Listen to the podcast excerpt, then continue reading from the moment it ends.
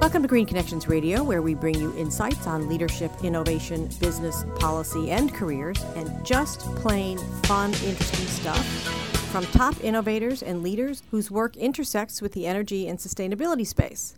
They come from all sectors government, business, academia, advocacy, the arts, and the media, and some are entrepreneurs or authors. I'm Joan Michelson. You benefit from my extensive network of C level executives and transformers, and my many years in the media and Fortune 500 companies. Now I'd like you to meet Melissa Walsh Innes. Melissa is the loveliest garbage lady you'll ever meet. Melissa is the Deputy Director for Recycling Reinvented, a national nonprofit advocating for companies to take a bigger role in the recycling process.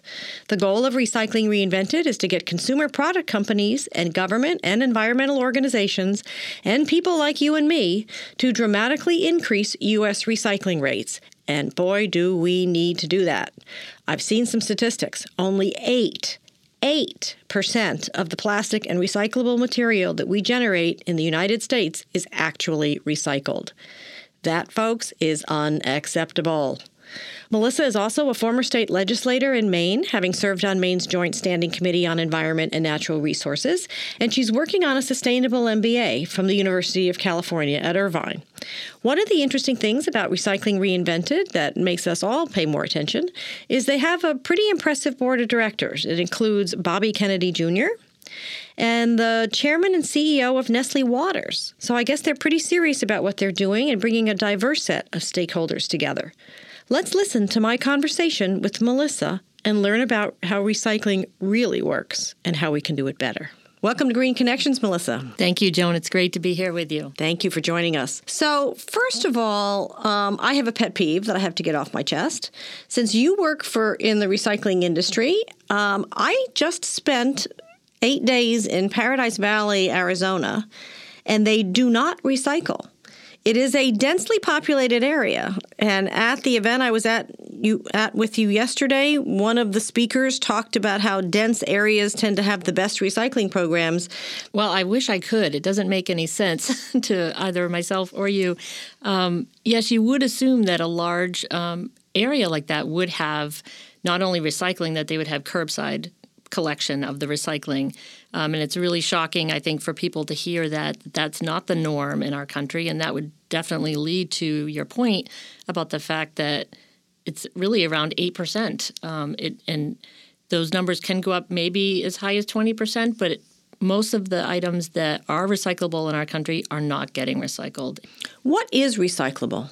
A lot of items are recyclable the four major categories would be um, paper, metal, glass, and plastic. And when you think about all of the items that we bring into our households, especially um, what we work in is um, packaging and printed paper, the, the majority of those items are made out of those four categories, those commodity groups. So, okay, take us through a day in the life of a cardboard box or a bottle that gets picked up in my driveway from the recycle truck.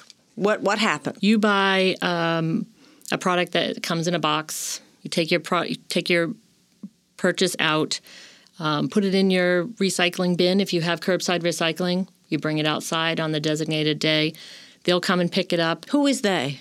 Well, it's different in every town, every municipality, in every state. Um, it's generally is uh, private haulers. Um, in some situations, it's actually the, the municipalities. So it's um, there's quite a variance across the country. Okay, so what happens after they pick up everything from the from the bins? Yep, they would actually bring it back to their um, recovery facilities. They're called MRFs, MRF, um, material recovery facilities, and they would actually go through um, a process on a conveyor belt where all of the different items would be separated along the way. Some of it is done with um, hand uh, by hand, but a lot of it is done with machinery. But then, how do the it's the consumer product companies that are going to use this stuff? So recycled means it goes back into use. How does it get to Colgate, Palmolive? I mean, or Kraft or whoever. They would take the materials once they're separated in the MRF in the facility, and then they would bale them together in these large bales, and then those are then purchased by uh, manufacturers that would want to use those items to make new materials. So, recycling reinvented, you're trying to reinvent recycling. So, what do you want to see happen in your perfect world? Oh, in our perfect world, in our perfect world, every state in uh, the U.S. would have um, recycling programs for um, printed paper and packaging, and those programs would be financed and managed by industry, by the industry members, the um, the brands that create these products. They would then be responsible for the end of life care of those products, but the industry would pay for the system. So it, in our belief, and we actually have a study that we're working on right now, and those numbers are coming out to support that the cost of recycling for the states would actually come down. And it not only would come down, um, convenience for household members who want to recycle would go up. So the it's a vision that we know can be achieved because Europe and Canada are already doing this. Um, we're just a little bit farther behind, but we we see what can happen. We know that um, right now you can take the state of Minnesota, which is a state that we're studying, and in, from one town to another, there's different products that can be recycled. So the Murphs, I love that name. It reminds me of Smurfs and Little Blue People. so the Murphs would make a deal, say, directly with Nestle or with Kraft or with Procter and Gamble, so they could conceivably have different, like a host of different contracts with as many companies as there are out there that produce this stuff. Aren't there like ten thousand consumer product companies or something? I mean, how is that realistic? So what would have to happen, and what has been happening in the other countries that have done this?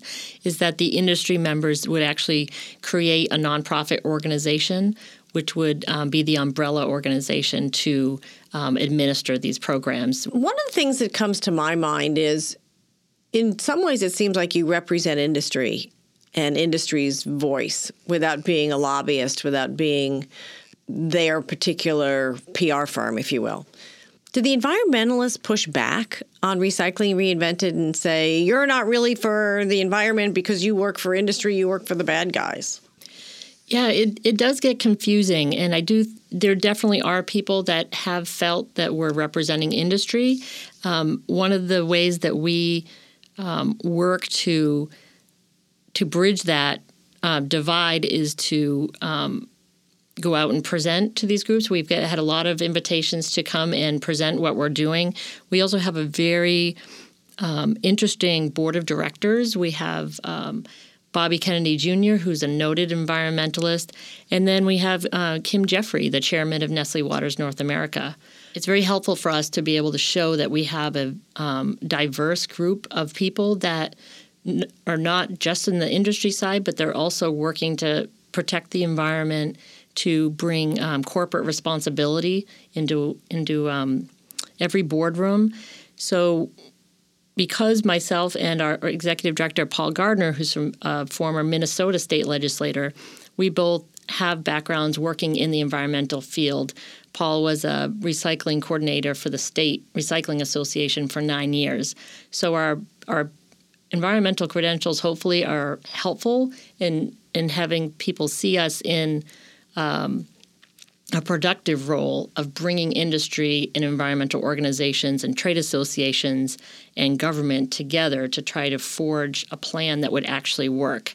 Um, so, just to wrap up, two quick things. One is it seems to me that with all the natural disasters recently, that there's an opportunity to build a model program. It seems to me that places like New Orleans or the areas of New Jersey and New York hit by Superstorm Sandy, et cetera, that were completely devastated and really have to build their infrastructure up from the ground, literally all over again. Uh, and new systems, that those would be ripe opportunities to do it right the first time.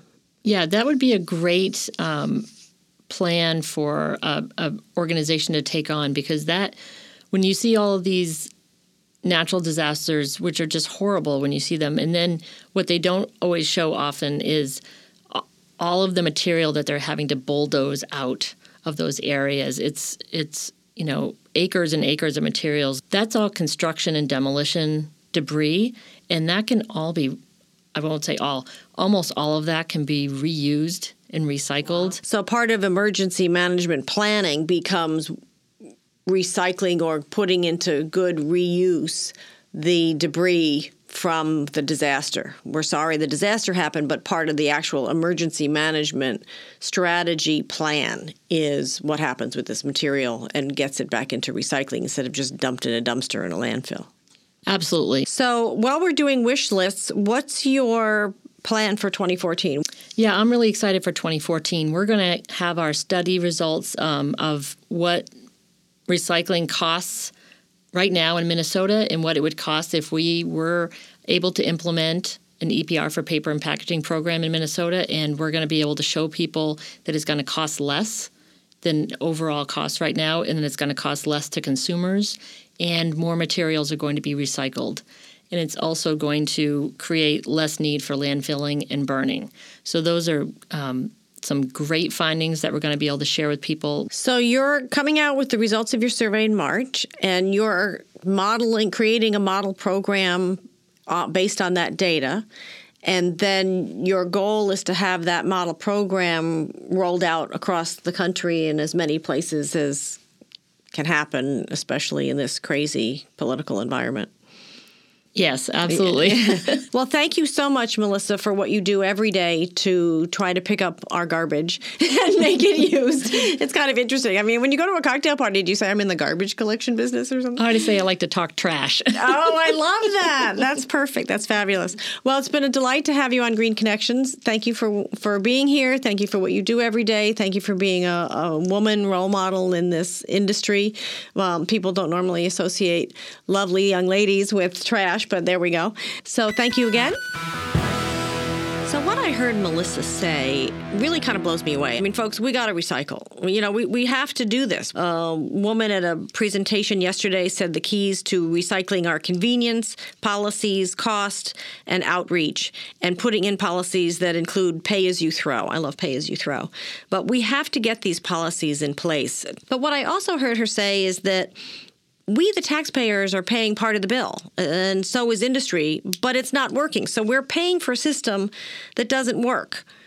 That doesn't make sense. Okay, there's they've uh, they've come up with a better way. Recycling reinvented, and industry are trying to develop a better way. It makes perfect sense because industry are the the people and the companies that are using this material that's being produced.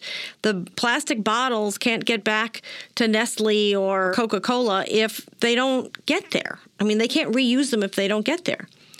And natural disasters, we have to seize this opportunity. I mean, natural disasters are awful, okay? Let's just say that. But every time there's a community that goes through a tornado like in Oklahoma or Superstorm Sandy or the hurricane like Katrina, there's an opportunity to rebuild the infrastructure there. And there's also an opportunity with FEMA to put this reuse of this garbage from the natural disaster into their strategy. There's no excuse for that in today's world. These things are very systematized, they have policies, they have programs, and there's no excuse for it not to be in there.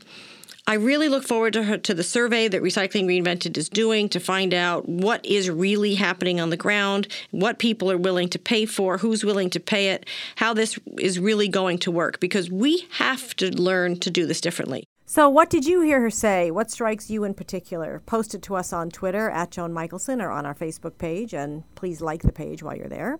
Or write it to us at info at greenconnectionsradio.com or and a review on iTunes when you also rate us and subscribe while you're there, I hope. Find us on greenconnectionsradio.com. Tune in Stitcher, iHeartRadio, and iTunes. I'm Joan Michelson. Thanks for joining us. See you next time.